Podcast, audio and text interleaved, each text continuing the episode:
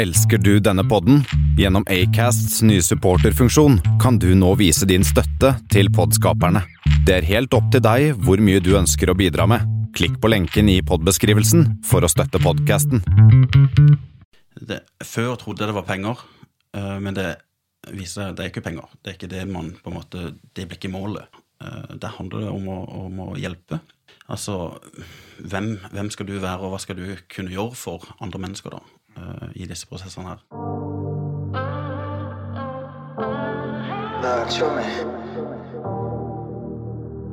It is God's love.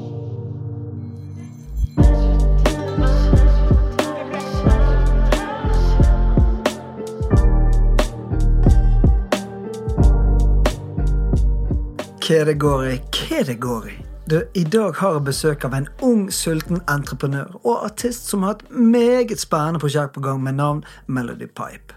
Prosjektet er av internasjonal karakter, som har som mål om å være markedets råeste artistplattform.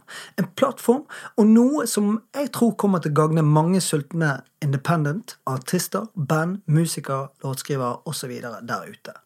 I 2015 var han med å starte opp et selskap som het Blockbounce AS, som hold dere fast, i februar 2021 ble børsnotert. Applaus, applaus. Chomian har også vært med å starte opp et investselskap med navnet Meetin. Og i tillegg så er jo han ganske så aktiv med musikken, hvor han har gitt ut offisielt, sånn som jeg har, i hvert fall det jeg har fått med meg, helt siden eh, 2017. eh, Der han kan eh, skryte på seg en låt som heter The Grandma. Den har bl.a. blant annet bikket over 120 000 streams, og totalt så begynner det å hope seg opp en god dose lyttere. Med en teft for både business og musikk. Så eh, blir det litt spennende å se om vi kan bli litt mer kjent med denne her eh, unge entreprenøren. Eh, så eh, mine damer og herrer, det her er lysluggen fra en av Norges diggeste plasser, Palmekysten. Vi snakker Kristiansand. Gi en varm applaus til Jesper Ugland. Takk, takk. Hello. Hello. Du, hva det går, Tjommi? Hvordan går det? Det går bra. Det går fint. Det er hektiske dager nå, Ja. men eh, det går veldig bra. Det er mye prosjekter i sving. Det er det, Ja. Eh, men, men hovedsakelig nå er det jo Melody Pipe som det går mest i. Ja, Vi skal komme litt inn på det med Melody Pipe, for dette, men sånn er litt sånn kort, eh, kort fortalt. Hvis du skal presentere deg nå for disse folkene her som ikke helt kjenner til, hvem er Jesper Ugland? Hvis du kan si det med bare noen få setninger. En sørlandsgutt, 30 år, ikke barn, ikke kone, så har jeg den friheten til å, å leve det livet som jeg lever. Jeg bygger det selskapet opp nå. Og sitter stort sett på jobb eh, og, og gjør det. Så driver jeg mye med musikk eh, og, og har de prosjektene der eh, på gang. Og eh, ja, Det er mye greier, rett og slett. det er mye greier. Det har jeg skjønt, og det er litt sånn, der, eh, det er litt sånn interessant eh, i forhold til det her med Melody Pipe. Eh, Men jeg hadde litt lyst til å spørre deg før vi eh, går inn på dette her med Melody Pipe og sånt. Eh, Hvor startet din reise? Nei, altså, Jeg begynte jo å synge i kor som eh, liten gutt, og så fikk jeg min første gitar da jeg var ni år gammel. Og Da var det å sitte hjemme på gutterommet, spille der, og, begynte med en sånn liten miniversjon av gitaren. Eh, og eh, egentlig bare begynne med seg sjøl. Eh, aldri gått på noen musikkskole eller noe sånt. Så bare selvlært. Eh, begynte med elleve sanger. Eh, og eh, for det er tre grep, så jeg lærte meg EA og, eh, og D. Eh, og, og videre H-septim etterpå, som var litt vanskeligere da, på det.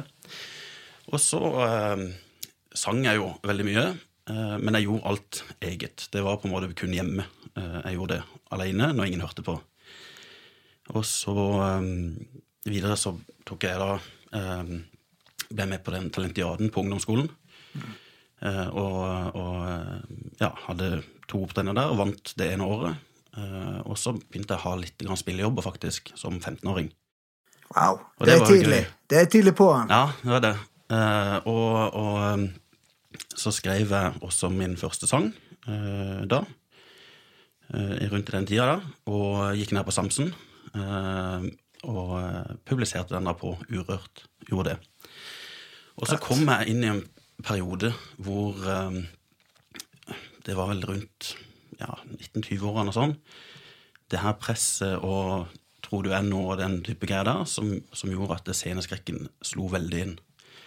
Og, eh, og da Altså, jeg fikk jo flere venner. Ingen visste at jeg drev med musikk da.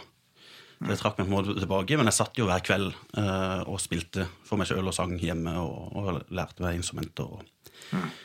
Så, eh, så var det vel i, i eh, 2017, eh, da hadde jeg skrevet noen sanger og, og begynt å prøve med dette å opptre for folk. Jeg syns det var på en måte var sånn kleint at eh, jeg vil ikke være den på nachspiel som drar opp gitaren. Det kan bli en sånn klein greie.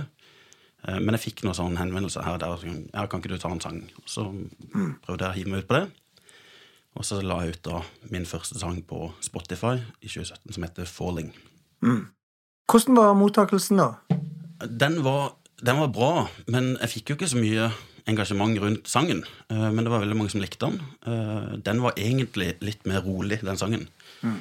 altså litt mer akustisk. Og så ble han mer en sånn mellomting av pop og eh, ja, rolig akustisk country, nesten. Um, så jeg vurderte om jeg skulle gjøre en akustisk versjon da, på nytt. Kanskje på piano eh, og litt sånn.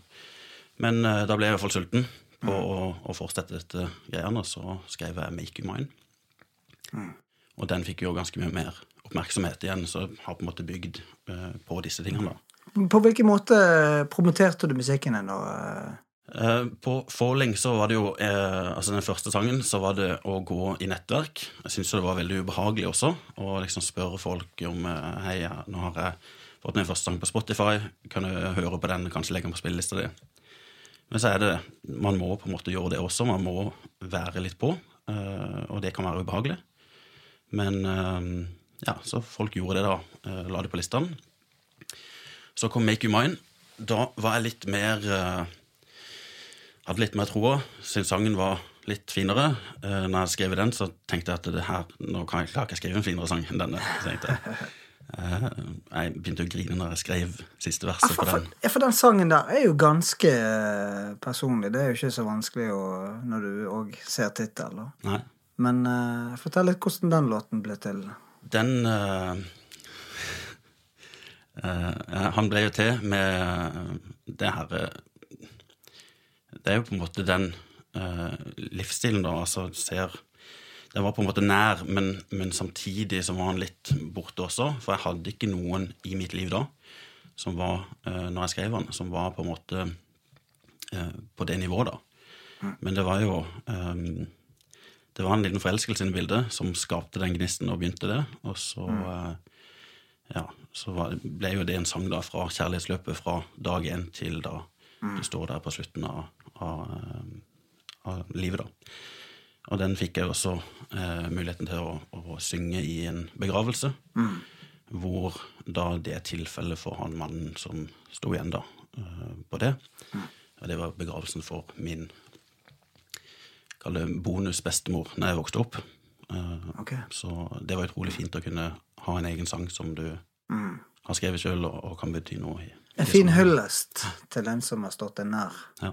Mm. Men hvordan da For nå eh, tok du oss med på en liten reise i forhold til hvordan du startet musikken, og litt at du begynte å gi ut eh, egen musikk. Men eh, kommer du sjøl fra en eh, musikalsk eh, familie? Ja, jeg gjør det. Eh, eh, både mamma og pappa spiller gitar på et sånn eh, jeg kaller amatørnivå. Men pappa har jo altså, Når de var yngre, og han er jo han er 66 år nå Men når de var yngre, han har tre søs, eh, søstre, når de hadde fest, så var det han som dro opp gitaren og lagde liv eh, på det. da. Var han en skikkelig trubadur eh, Ja, som ja, ja. skapte god stemning? Ja. Men han har aldri gjort det noe mer ut av det. Det er bare den hobby, hobbybasisen der, å skape litt stemning med de stemningssangene og dette. Så vi har jo hatt eh, nå i senere tider også at eh, vi står også og jammer litt grann og sånn. Eh, men han har vel lagt mye av det fra seg også. Husker på en måte de der eh, tre-fire sangene som han spilte tilbake på ja, ble vel 60-70-tallet. Men så, så da din far, er det mye av grunnen til at du ble introdusert til Elvis, da, eller? Eh, nei, At musikken det, det rett og slett det kom fra Jeg var ehm, Jeg var hos overnattingsbesøk hos mine besteforeldre. Og så, så har de en sånn egen sånn kjellerstue. Eh, satte meg ned der. Og, eh, og de hadde en egen TV, og der satt, hadde bestefar der tatt opp på kassett den her eh, Elvis Aloha from Hawaii, den konserten. Klasse. Og jeg var der hele helga, og den sto jo på repeat, den konserten. Jeg ser for meg deg der, Jesper. Du står der med hawaiiskjorten og svinger deg rundt der på gulvet med gitaren. Hæ? Gjorde det? Var det sånn du eh, sto og jammet litt foran speilet der? Og, Jeg har stått og sånn, trampa litt med beina, sånn, så, så det har det. Uh, er, det- er det der du kjører, da? Eller hvilken låt du Burning? Love, som var, det var den som traff eh, best akkurat da. Klasse. Så um, Ja. Men så, så din far, har han vært en viktig eh, inspirasjonskilde for deg, da? I forhold Altså, til han, musikken? han driver jo ikke så mye med det, men det er jo klart at det var jo der det begynte. Både Ja. han og mamma. Eh, mamma som lærte meg, altså Hun har jo vært noe musikklærer. Hun er lærer, Mm. også vært musikklærer, og, og lært eh, Det er der jeg lærte fingerspill, for eksempel. Mm.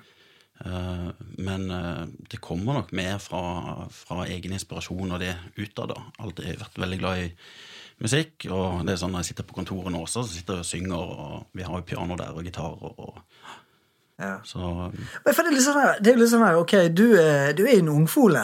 Du er jo bare ikke du bare 30 år. 3-0? Ja. Og det er jo ikke helt nordmann å skulle da eh, bli fan av Elvis. Selv om han er jo, han er jo kongen.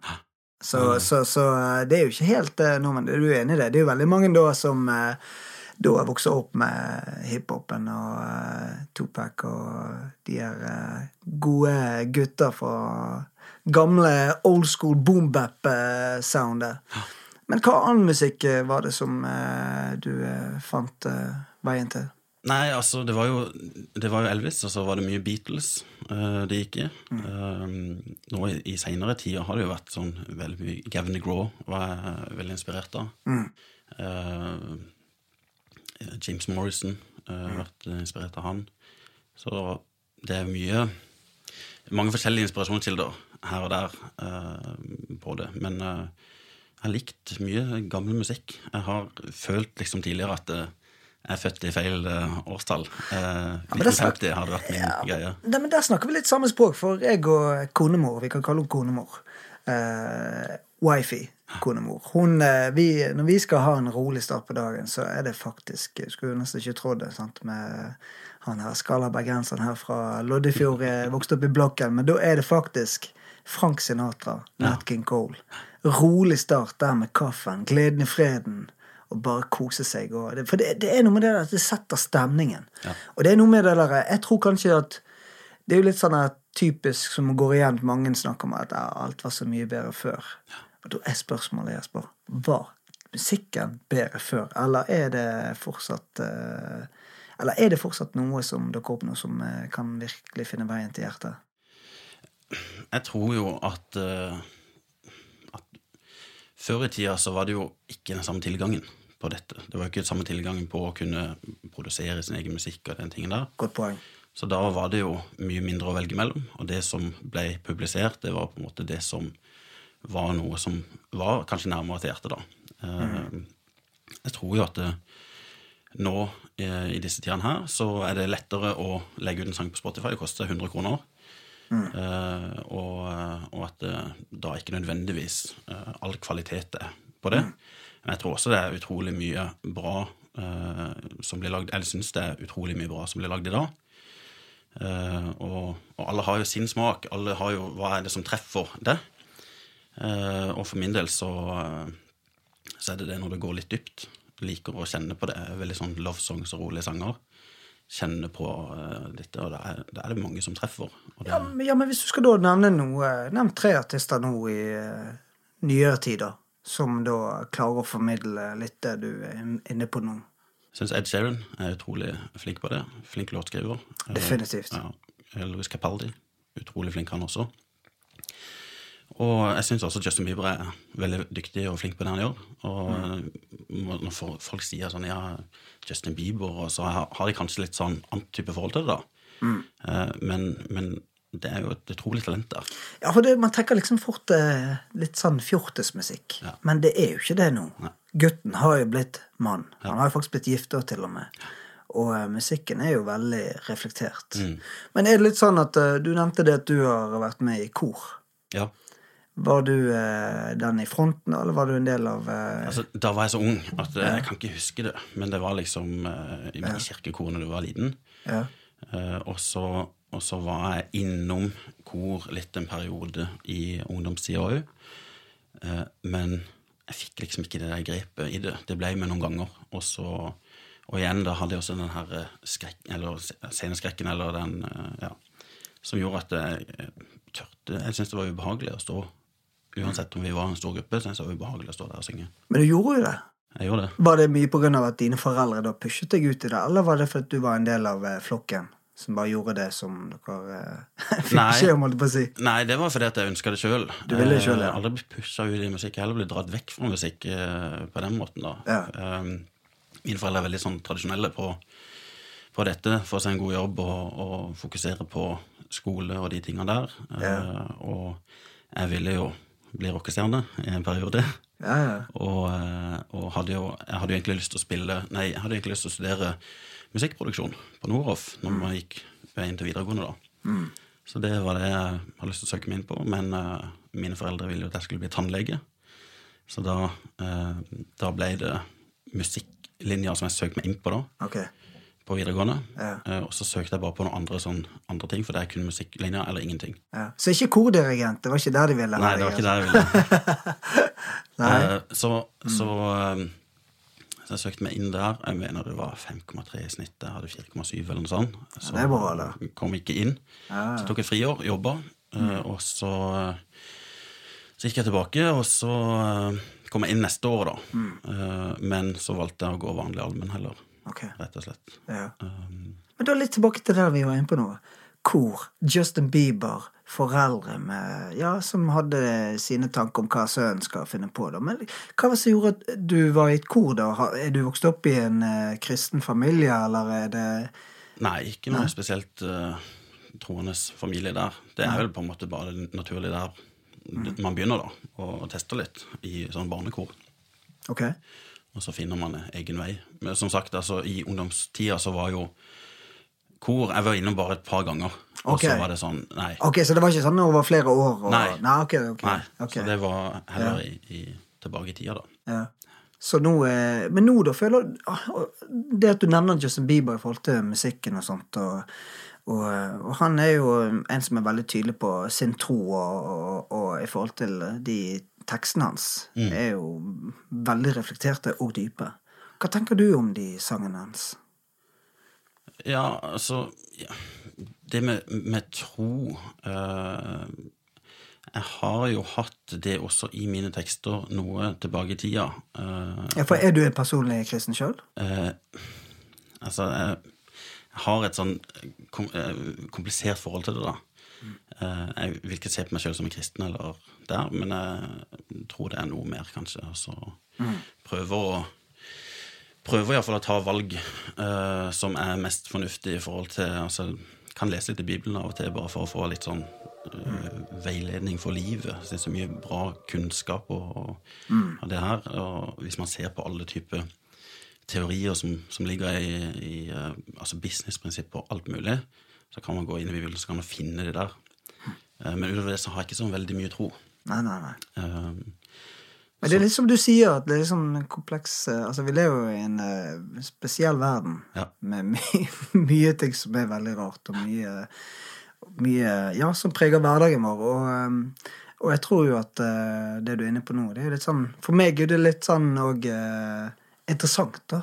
At når du sier at du trekker det Altså, du sammenligner litt med i forhold til businessverden. For eh, Bibelen har jo mange gode ting, altså gode råd. f.eks. For eksempel i ordspråkene. Sant? Vi skal kappes om å hedre hverandre. Og, og det er kanskje litt derfor jeg driver en podkast òg. Faktisk. Bernt Show Me. For det er noe med det å ja, sette lyskasteren på. Og i det, nå i dagens episode så er jo det selveste Jesper Ugland her. Lysluggen. Hæ? Ja, du er nå litt lys i luggen her, ser jeg. Litt mer enn meg, i hvert fall. ja.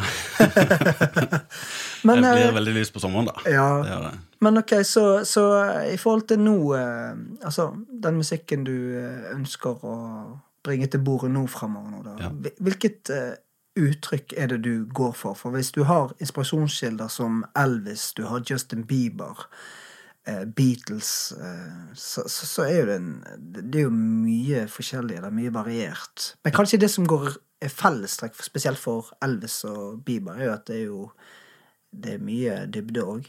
Ja. Det er jo det som er viktig for min del. Eh, sånn som den musikken som jeg legger ut nå, så skal jeg både kunne høre på musikken eh, til enhver tid eh, og være stolt av det som jeg legger ut. mm. og så skal det bety noe for meg. Eller, eh, og, og hvis det smitter over på andre, og det kan bety noe, eh, som jeg har erfart ganske mye i det siste, så er jo det en utrolig fin bonus. Eh, Vil du si at tekst er veldig viktig for deg? Mer enn altså, For du har jo noen som Jeg husker selv da jeg begynte å høre på musikk da jeg var ung. mm. Den tid jeg var ung, vet du. Way back. så, så var jo det ofte gjerne melodien og beaten som traff meg, ikke sant? Men så begynte jeg mer og mer å lytte til teksten. Mm. Hvor viktig, Er begge deler like viktig for deg, eller er det en god kombo? Altså, hva, hva, Hvor veier du? Hvor går vektskålen? Ja, jeg tror Jeg tror at teksten er viktigst. eh, og jeg tror også at når vi hører en sang, eh, så underbevisstheten plukker opp det melodien formidler. Og, og at det har ganske mye å si uansett åssen biten er. Men selvfølgelig også biten er viktig. Og jobber mye med oppbygging og cold progression og, og de tingene der. Men, men jeg, jeg tror at man, når man hører en sang, selv om ikke du eh, kan teksten etterpå, så vet du hva det har blitt sunget om, og, og det treffer deg, ellers treffer det deg ikke. Og hva er, Kommer det noe ny musikk snart fra deg nå eh, fremover, da, Jesper? Det gjør det. Gjør Og Nå gliser du ganske mye. Jeg gliser. Nå er det ikke bare dollargliser, det er jo han der joker-gliser i Batman, vet du. Ja. Du har jo det største gliset her, da, så er, er- det hemmelig? Er det, er det Får vi høre Kan vi få litt info? eller? Ja. Eh, nei, altså jeg, Altså, når jeg begynte å skrive sanger, så turte jeg ikke å gå så dypt. Fordi at eh, du, du føler deg veldig naken, og, og folk eh, får liksom se inn i, inn i Uansett om det er en sang du skriver, så ligger det fortsatt noe Du kan kanskje pynte på ting og, og, og, omformulere og sånn, men det kommer jo fra et sted. Eh, så jeg har prøvd å våge meg å gå dypere og dypere i det, eh, og, og nå skal jeg kanskje skrive noe av det dypeste som Eller har skrevet noe av det som jeg syns er dypeste, og det handler mye om det her med sceneskrekk og den type biten der, da. Og hvordan jeg har brukt den sceneskrekken, og jeg har mm, liksom fortalt meg ting i hodet og prøvd å om, omformulere en frykt over til en utfordring og litt sånne ting, og at jeg er ikke redd, men jeg er spent, ikke sant, fordi at det er ganske like følelser um, på det, og, og skrive mer om det, og mer sånn personlige ting. Så jeg kommer med en, en ny låt om ikke så altfor lenge, som heter Scars, og den um, Det handler om at uh, uansett hva du sier til meg, at du liker musikken min, så er det fortsatt etter de ordene jeg har sagt, så er det fortsatt like vanskelig å tro på meg sjøl og, og de kunnskapene jeg har. da. Dette gjør meg litt mer nysgjerrig på eh, deg, da, Jesper. For det er jo tydeligvis det er noe som ligger litt langt tilbake i tid. Mm. Er det noe du har opplevd på Det er sånn typiske greier som kan gå igjen. At noen opplever jo mobbing på skolen. Noen har opplever omsorgssvikt i hjemmet og blir ikke sett nok. Eller altså, fø- det å få følelsen at du er verdifull. Har du vært innom en av disse her eh, plassene her hvor du har opplevd nettopp det, og ikke følt deg god nok? Jeg tror nok at hvis jeg skal gå inn på det temaet, så kommer det ut via en sang. Eh, så, men jeg tror det handler litt om, om det her med at jeg satt på en måte på gutterommet, og musikken var på en måte Det var eh, Ikke sant? Jeg måtte sitte med hodetelefoner. eh, ikke sant? Jeg bråkte for mye. Så jeg har den følelsen at eh, folk har ikke lyst til å høre på det når jeg holder på. Uh, utover det så tror jeg det kruttet der skal nok komme i en sang heller, framfor eh, ja, eventuelt et album. Det respekterer jeg. Det, det er sant. Det er noen, noen, for noen mennesker så er det viktig at, eh, at eh, Altså, musikk er jo så mangt. Sant? Det kan være en form for terapi òg, og det har det sjøl vært for min del. Sant? Altså, musikken har vært med å hjelpe meg i mange stunder. Sant? Det har vært både sorger og gleder i det. Og eh, det er kanskje der du har funnet din vei, da, at musikken er en form for å gi uttrykk for de følelsene som spiller seg her på innsiden. Som ikke alltid er like lett å snakke om. Du vet, Jeg er jo bergenser, så vi, vi prater jo eh, litt for mye noen ganger. Jeg er sørlending, og vi er litt for konservative. Ja, dere er litt sånn der eh, Se det, ja, hvordan går det? Jo, det går bra.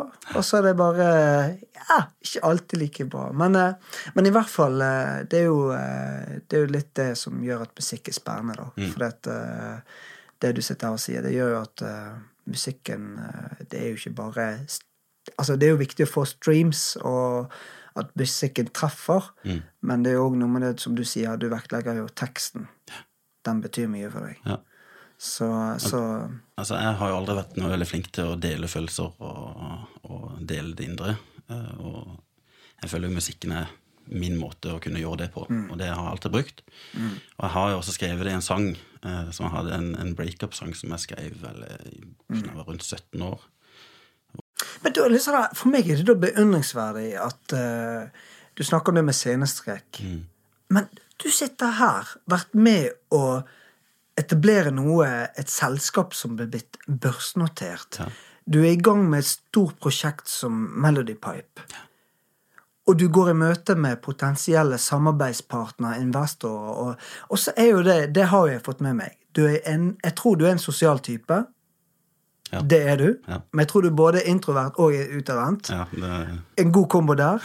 Men det at du da klarer å gjøre så mange For det, det ligger en drøss med coverlåter ute på Instagram-storyen din.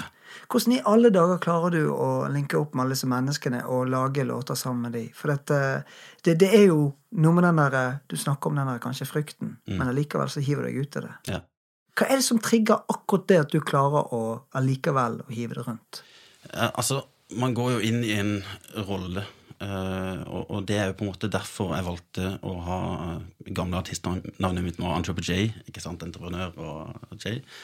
Endra det til Tug, som er da en kombinasjon av mitt kallenavn da jeg var liten, og Ugland. Altså sånn. Ja, For det hadde jeg egentlig spørsmål. Er det Tug Life, Tupac?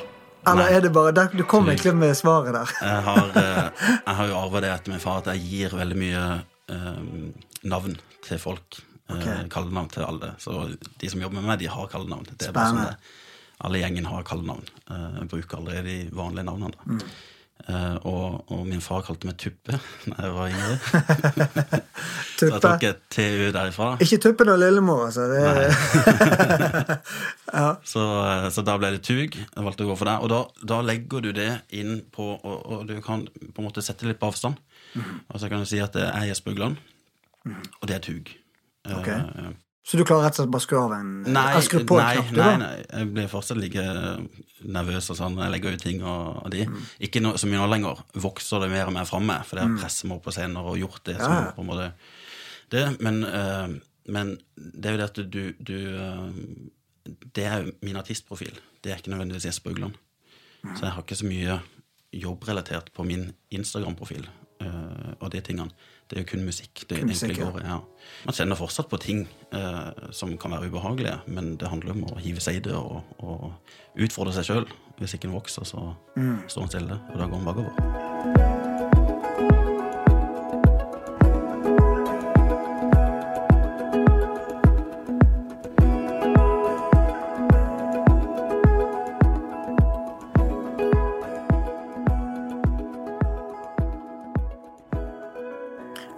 Hva- Så det med ordet frykt, Mm. tror du det er mange i Og vi hater den setningen der. Mm. I disse tider. Jeg gjentar. Mm. I, di, I disse tider. Tror du det er mange som kjenner på ordet frykt, da?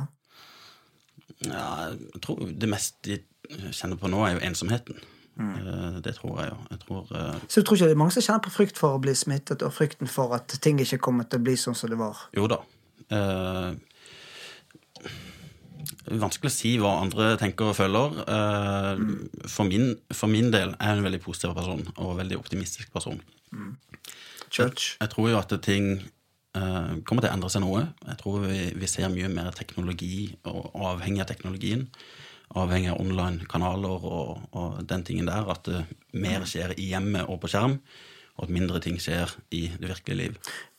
Ja, tror du, tror du at uh, for, uh, I forhold til det som du snakket om, at uh, sceneskrekken uh, da med Instagram som en plattform for å kunne gi uttrykk for følelser. Mm.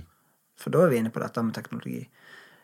Vil du si at teknologien er med å hjelpe oss til å bearbeide det som kanskje er vanskelig? Tror du flere og flere tør å nå hive seg ut og dele litt av det kreative som de bærer på, og det å følge med drømmer? Det, det tror jeg. Eh, Fordi det er lettere. Og det, det, det er jo både positivt og negativt med det.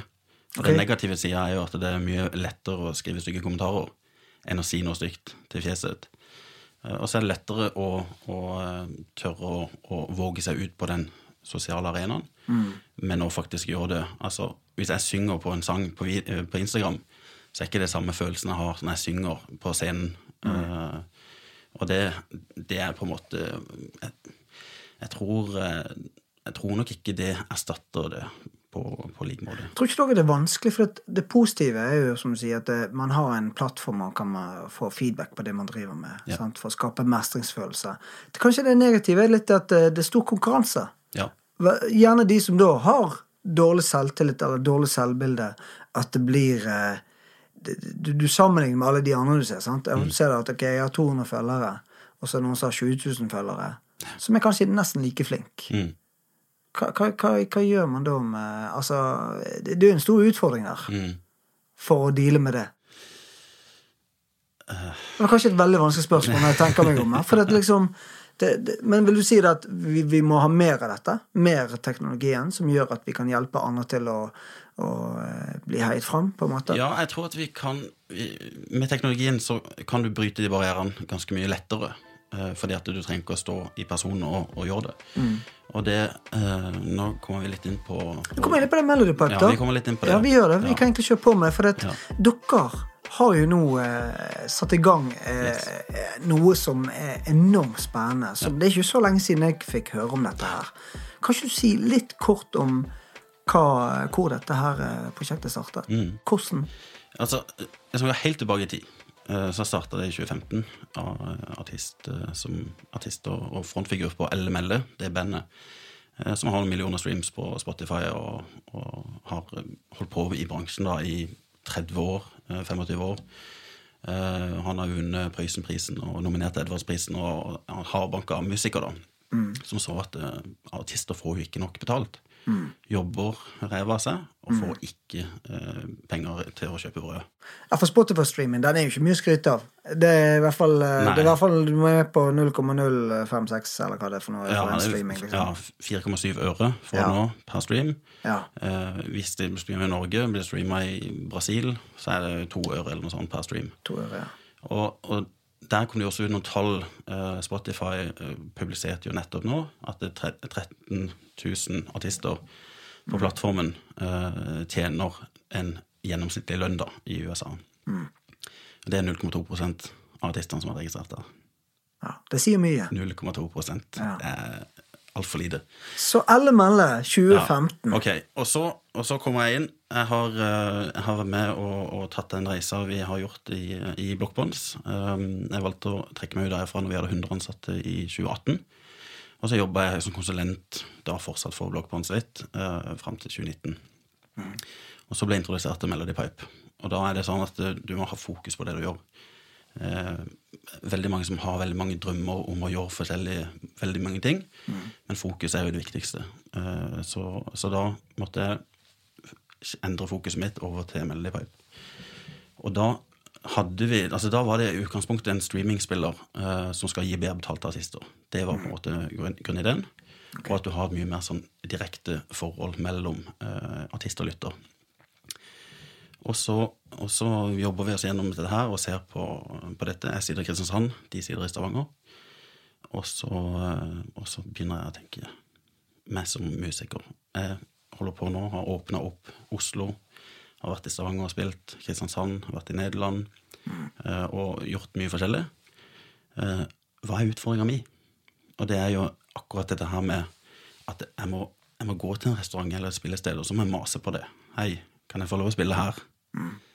Ja. eh, Eller nei. Eller hva det skulle være. Det passer ikke da, eller sånn og sånn. Mye frem og tilbake.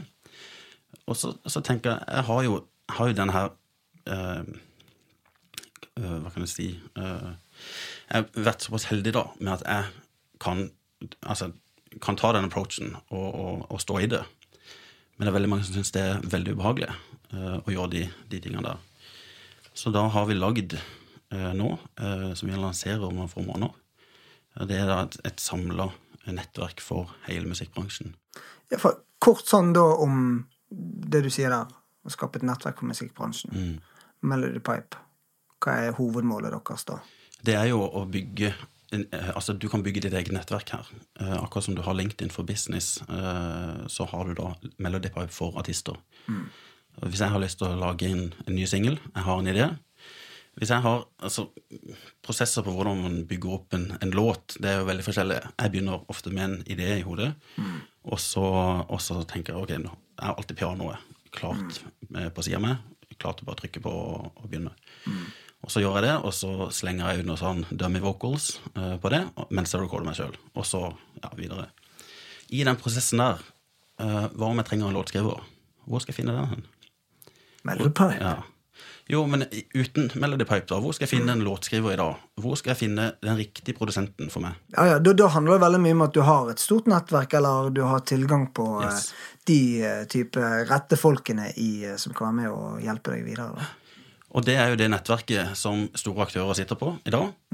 Holder for seg sjøl og setter det kanskje opp på en kontrakt som ikke er så bra for artisten, som gjør at eh, artisten ikke sitter og tjener penger. Og det er jo det som er viktig, for de er jo de kreative. Det er jo de som faktisk uh, skaper musikken. Og bare for å presisere det, dere ønsker jo rett og slett å så For det er jo veldig bra med både indie og major labels og alt dette her og sånt, så dere, dere, dere ønsker bare å være med og tilføre eh, altså, musikkbransjen noe som man mener trengs.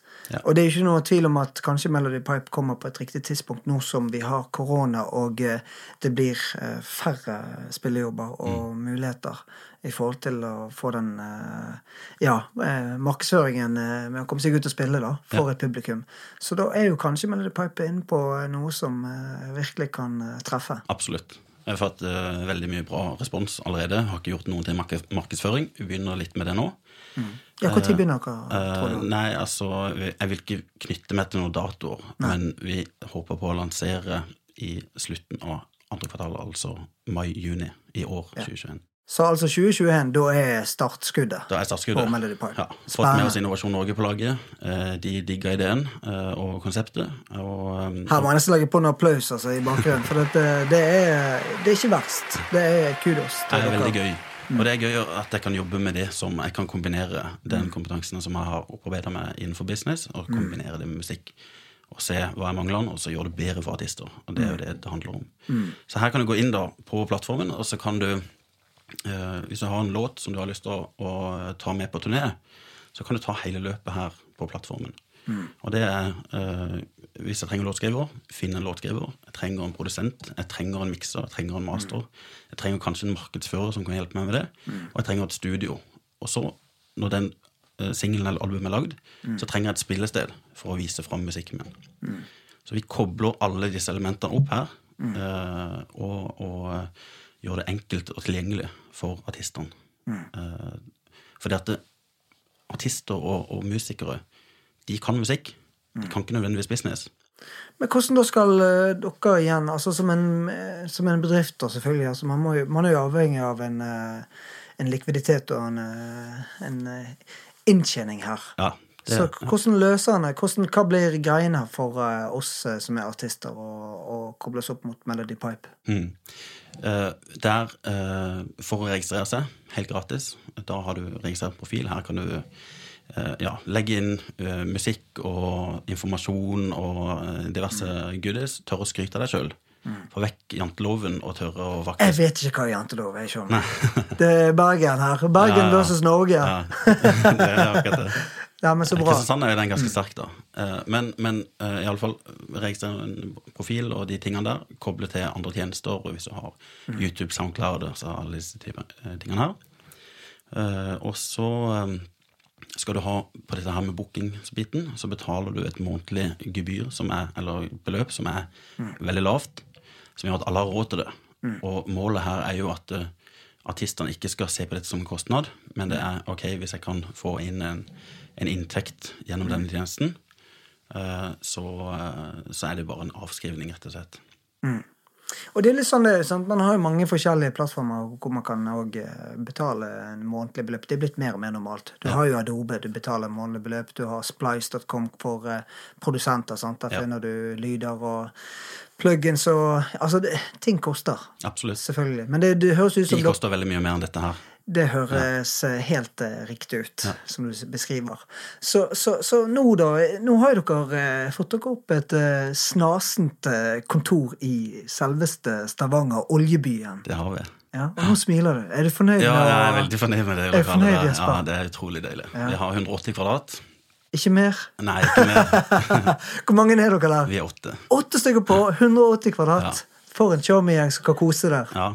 Vi ekspanderer nå uh, for å innlede flere folk okay. eh, og sørger for at eh, teknologien går framover hele veien. Hva type folk er dere har i firmaet? Du, nå har vi alt fra Vi har jo Vi er fem artister.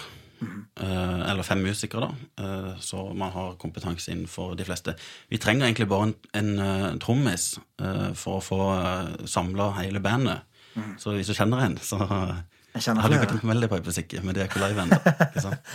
Ikke sant vel? Eh, men um, Nei, så jeg har alt av kompetanse fra Det er jo mye fra oljebransjen. Veldig mye tung kompetanse på IT, som er utrolig viktig når du bygger Jeg skal ikke gå inn for mye på detalj på dette, men, eh, men at man bygger de gode strukturene eh, på bånn.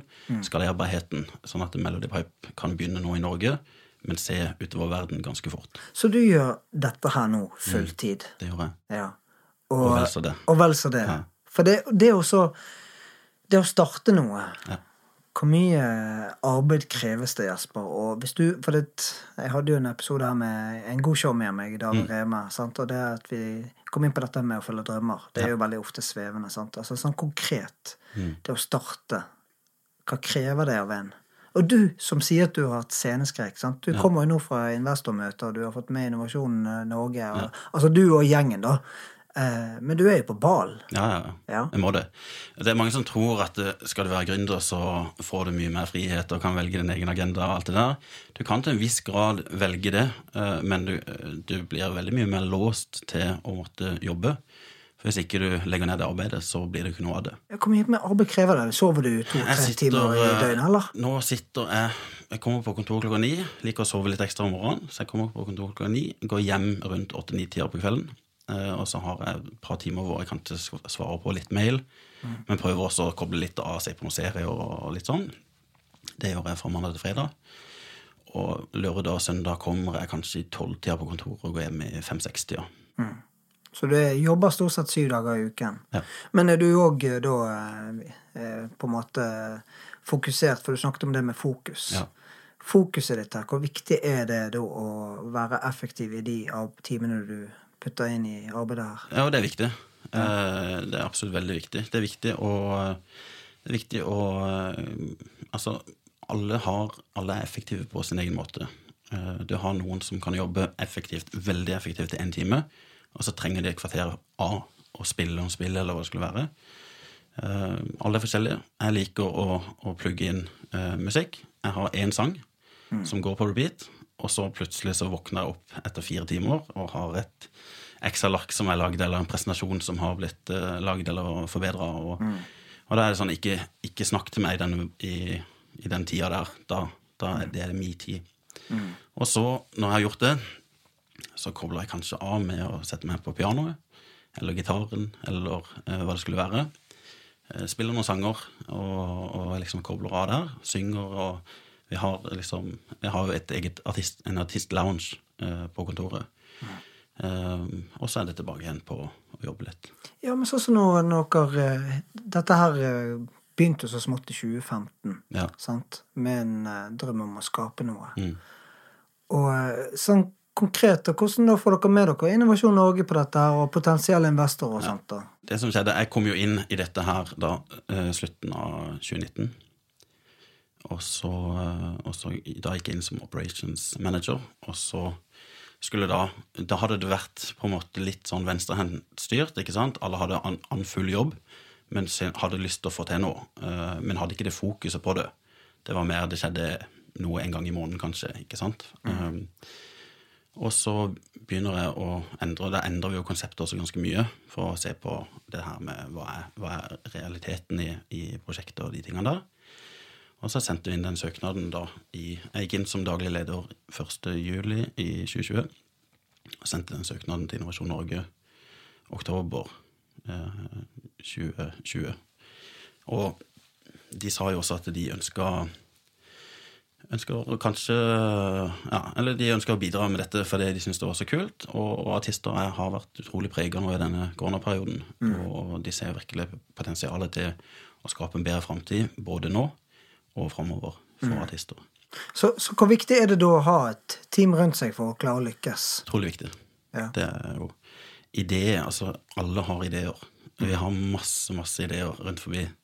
Så det Ideen er altså Jeg skal ikke si noe prosenter, men det finnes utrolig mange ideer. Man hører mange som snakker om mange ideer. Finne én idé og fokusere 100 på den. Får ikke noe med det å bare begynne. Nei. Altså, ja, sant? Bare det å begynne. Bare finn, kartlegg liksom, ok, hva trenger jeg Mm. for å få dette til. Altså, er det, hvor mye penger trenger jeg? Hvor mye Mm. må jeg jobbe ekstra for få de pengene? Eh, hvilken type personlig trenger jeg? Trenger jeg regnskapsfører? Trenger jeg til å være med og markedsføre dette? Trenger jeg Mm. noen til å sette eh, drømmen i et mer system, konkret Mm. system der du setter opp delmål og langsiktige mål osv. Har du vært da gjennom de her prosessene, du og gjengen med? Og, Ja. ja. Så Det er jo det som er min jobb, da. det er jo akkurat det. Eh, Så jeg gjør alt det. Tjommi ned på ball, folkens! Det er jo det Hæ? som er. Altså, er som gründer så lærer du jo veldig mye når du gjør ting. Eh, Så man lærer jo hele veien, og eh, lærte jo veldig mye i det forrige selskapet. Men vil du da si da, Jesper, at uh, Nå har jeg nevnt det her flere ganger, det her med den der sceneskrekken. For det, det er litt sånn jeg tenker for en kriger- og maskinduell som er sånn på bal, ikke sant? For det, du, du, virker som du bare ploger vei videre, du. Ja. Du stopper jo ikke. Stopper ikke. Hvor kommer den drivkraften derfra, da? Si det. Hæ? Nei, Er det grandma? ja, nei, altså Hvor den kommer fra, det er litt sånn vanskelig å si. Men uh, det, før trodde jeg det var penger, uh, men det viser seg det er ikke penger. Det er ikke det man på en måte Det blir ikke målet.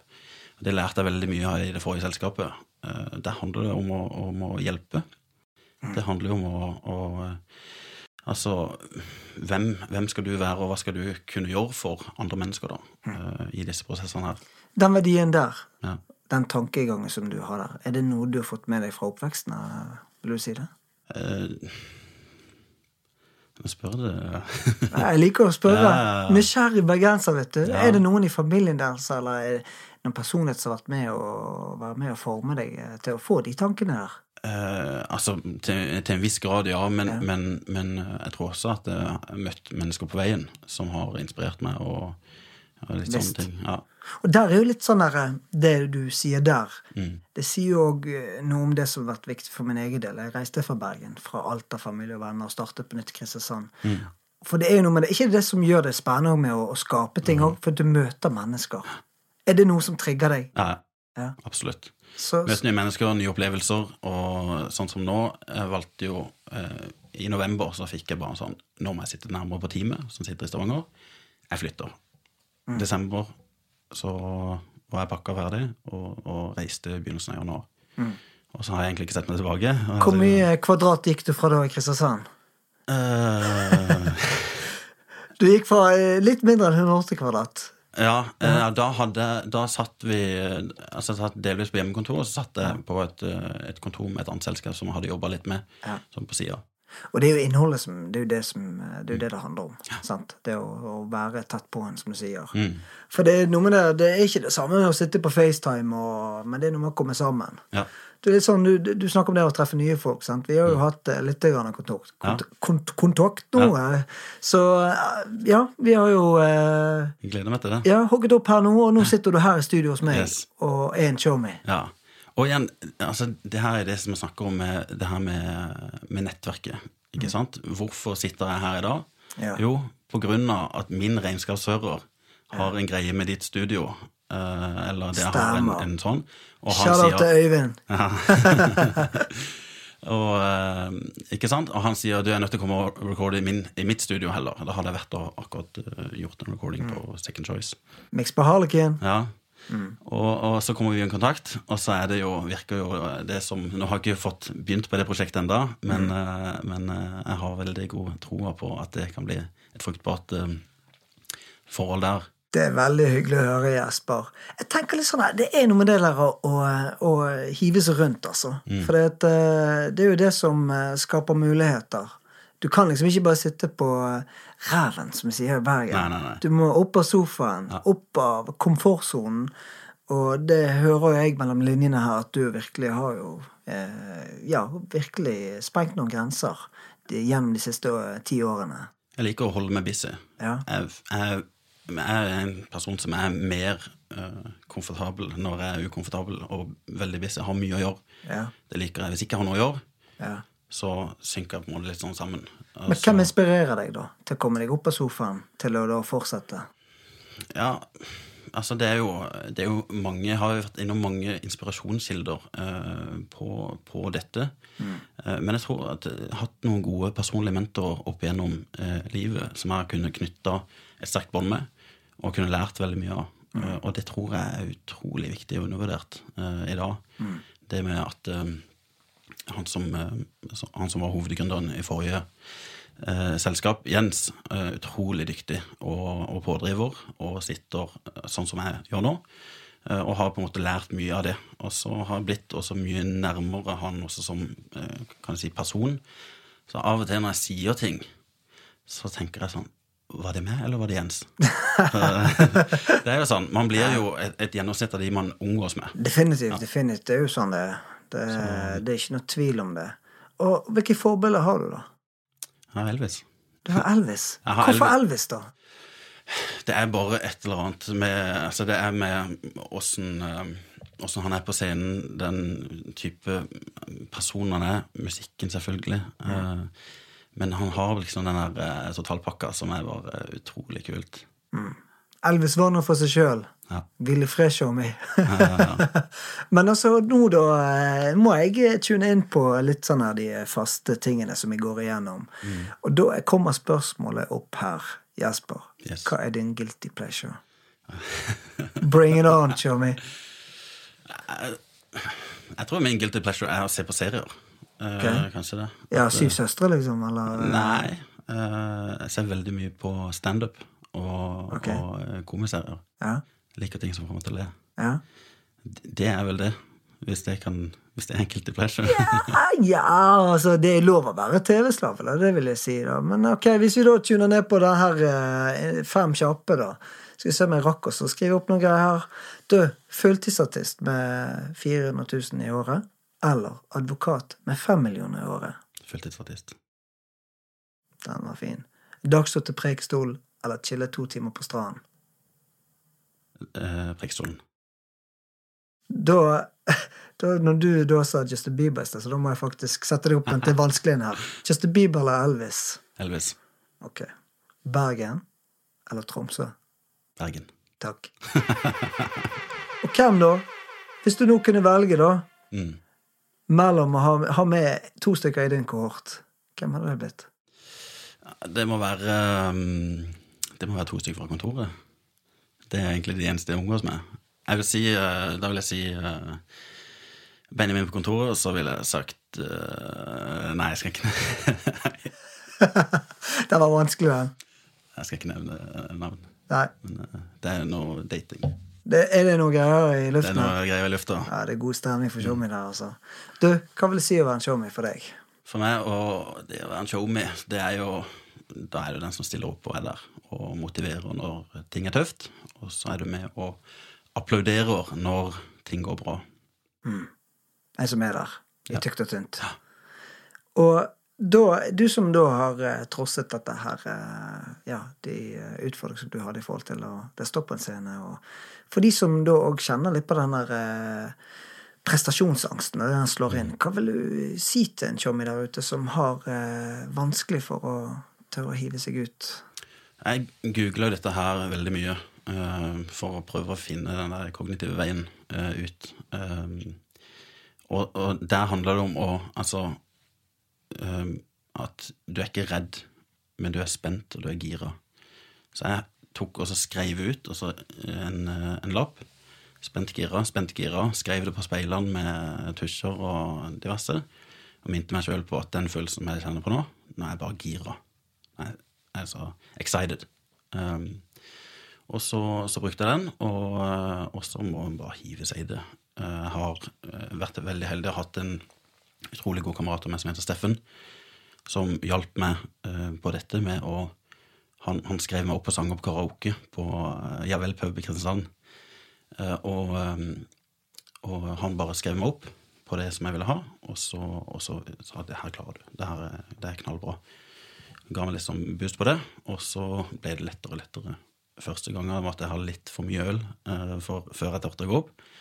Og så, så skifter det litt fra før når jeg skulle på scenen, så måtte jeg liksom drikke meg opp til å, å tørre. Nå er det sånn at jeg går ikke på scenen hvis jeg har drukket for mye, fordi at eh, da går kvaliteten ut. Så da er det liksom bedre å være edru enn, eh, enn å ha, ja, være full, eller hva det skulle være. Så det er på en måte der som jeg bare begynte å bare Jeg står i det, jeg står og skjelver på scenen, men jeg er nødt til å ta disse eh, fightene her. Så hvis en da en showmy da sliter, da, hva konkret tips vil du gi til han som En, sliter? endre på følelsene. Tro at du er Eller si til deg sjøl du er spent og gira, og hiv deg i det. Altså bare tørre. Rett og slett. Våge å feile. Ja. Begynn, begynn med det man er komfortabel for. Og så skal du være ukomfortabel til begynnelsen. Og det er fortsatt ukomfortabelt. Det er også noe å tenke på. Det er ukomfortabelt også for de største stjernene.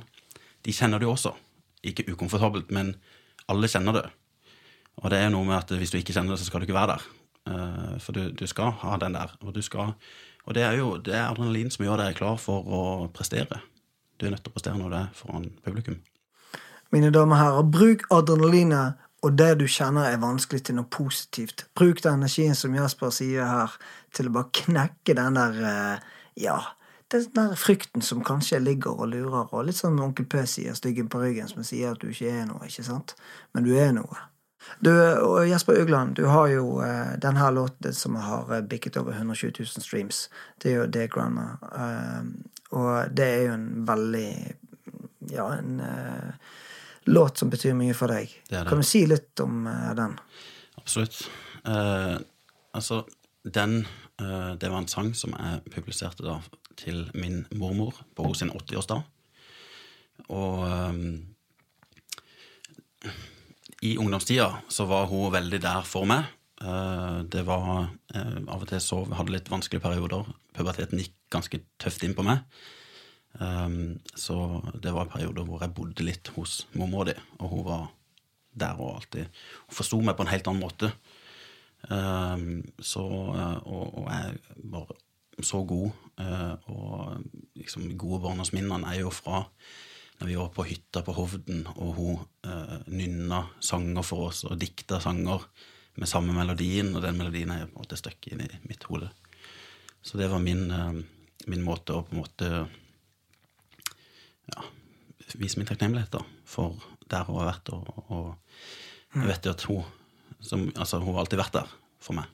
Hvordan responderte hun da når hun fikk høre den? liksom? grine. Selvfølgelig. Og hun eh, måtte jo sende seg opp på Spotify. Eh, og Mormor på Spotify. Mormor på Spotify. Det er så klasse. Ja, har iPad og greier. Så- Har hun iPad òg, ja? iPad. Shit, hun er på høyt eh, teknisk nivå. her. Og Snap. Hun har Snap òg! Du kødder. Hva kaller hun seg på Snapen, da? Eh, Tøgg mom? Tøg Tøgg eh, grandma? Skal ikke publisere det. Men eh, nei, det, hvis jeg sender noe, så sier hun Jeg har sånn familiegruppe, da. Så hvis jeg sender noe, så, så skriver hun 'Å, så fint', sier mormor. Ikke Ja, sant? Det- koselig. Ja. Så ehm, Nei, så hun fikk den, så måtte jeg legge inn en spilleliste til henne, så hun hører på den daglig og griner hver gang. Ja. Så det er utrolig fint. Så- når jeg publiserte den låta, så var det sånn Jeg bryr meg egentlig ikke om hva folk tror. Jeg håper bare hun liker den. Det var det, var det viktigste. Eh, hvis andre liker den også, så er det helt topp. Eh, nå har jo det vist seg at eh, den har jo truffet noen nerver eh, hos veldig mange. Eh, han har gått viral på TikTok. Over én million views på den ene videoen videoen der. Wow. Det er fett. Ja, det er lagt nye filmer, videoer av den sangen, eller som bruker den sangen nesten daglig. Og jeg scroller meg av og til gjennom der, og, um, og det er utrolig trist, for du, du som artist får se hva den påvirkningen du har. da, Du kan være med på den reisa og dele de øyeblikkene med, med mennesker, og da ofte som har mista da, eh, sine besteforeldre. Eller, Jeg kan jo relatere til det, for mormor var jo en mamma som nummer to for meg, og hun døde for noen år tilbake nå. Det er ikke mange årene siden. Så det var, eh, det var veldig eh, vondt for meg og familien. Det var en av de fineste menneskene jeg har møtt. Alltid varme hender, Mm. Og alltid på. Lune, ja. Lune smilet til mormor når jeg kom hjem på besøk til henne. med- Kom hun fram med smilsjokoladen der. Ja. Og fire skiver med smørbrød med banan på, og så var det fersk middagspølse. Ja. Det var noe jeg likte å kose med når jeg kom på besøk til mormor. Og så så vi òg til og med på eh, Derrick Ja. Inspector Morse og Poirot, de gamle detektivlegendene. Det er så klasse. Det, det er jo veldig Det er jo en stund siden, det, da. Mm. Men, eh, så det med mormor, det, det var en sang som eh, traff meg litt når jeg hørte den. Og det er jo litt sånn her eh, Der går litt igjen det du sa litt tidligere her, at tekst og formidling er jo noe som betyr mye. Og du ser jo òg at det er jo den låten som har fått mest streaming. Ja. For det, det er noe ma mange mennesker kan relatere til. Mm. Så er det, det er vel gjerne det som eh, er din greie, da. Det er formidling. Det er det, og eh, som jeg har nevnt, altså, det å, det å, eh, å gå dypere inn i materialet på musikkfronten, det er det som jeg sikter meg framover mot nå, da. Og, og tørre å åpne opp de dørene der. Du Jesper, nå holdt vi på å glemme en viktig ting her, for at Melody Pipe Nå oppfordrer vi folk til å gå og sjekke det ut, og da har du noe viktig å si her. Enten så har vi lansert når denne podkasten er lansert, eller så er vi ikke. Hvis vi ikke er det, så har vi fortsatt en webside, og der kan du signe deg opp som betatester. Ingen forpliktelser, men eh, der kan du nevne da artistprofilen din og disse tingene her. Og da kan du være med på den første reisa vi tar, prøve ut systemet, se om dette er kult, komme med tilbakemeldinger, og være en av de første som er på den plattformen. Så eh, det oppfordrer jeg folk til å gjøre. Sjåmør, hiv dere rundt, sjekk ut Melody Pipe. Det her er Jesper. Det her var Jesper Augland. Bless up. Bless up.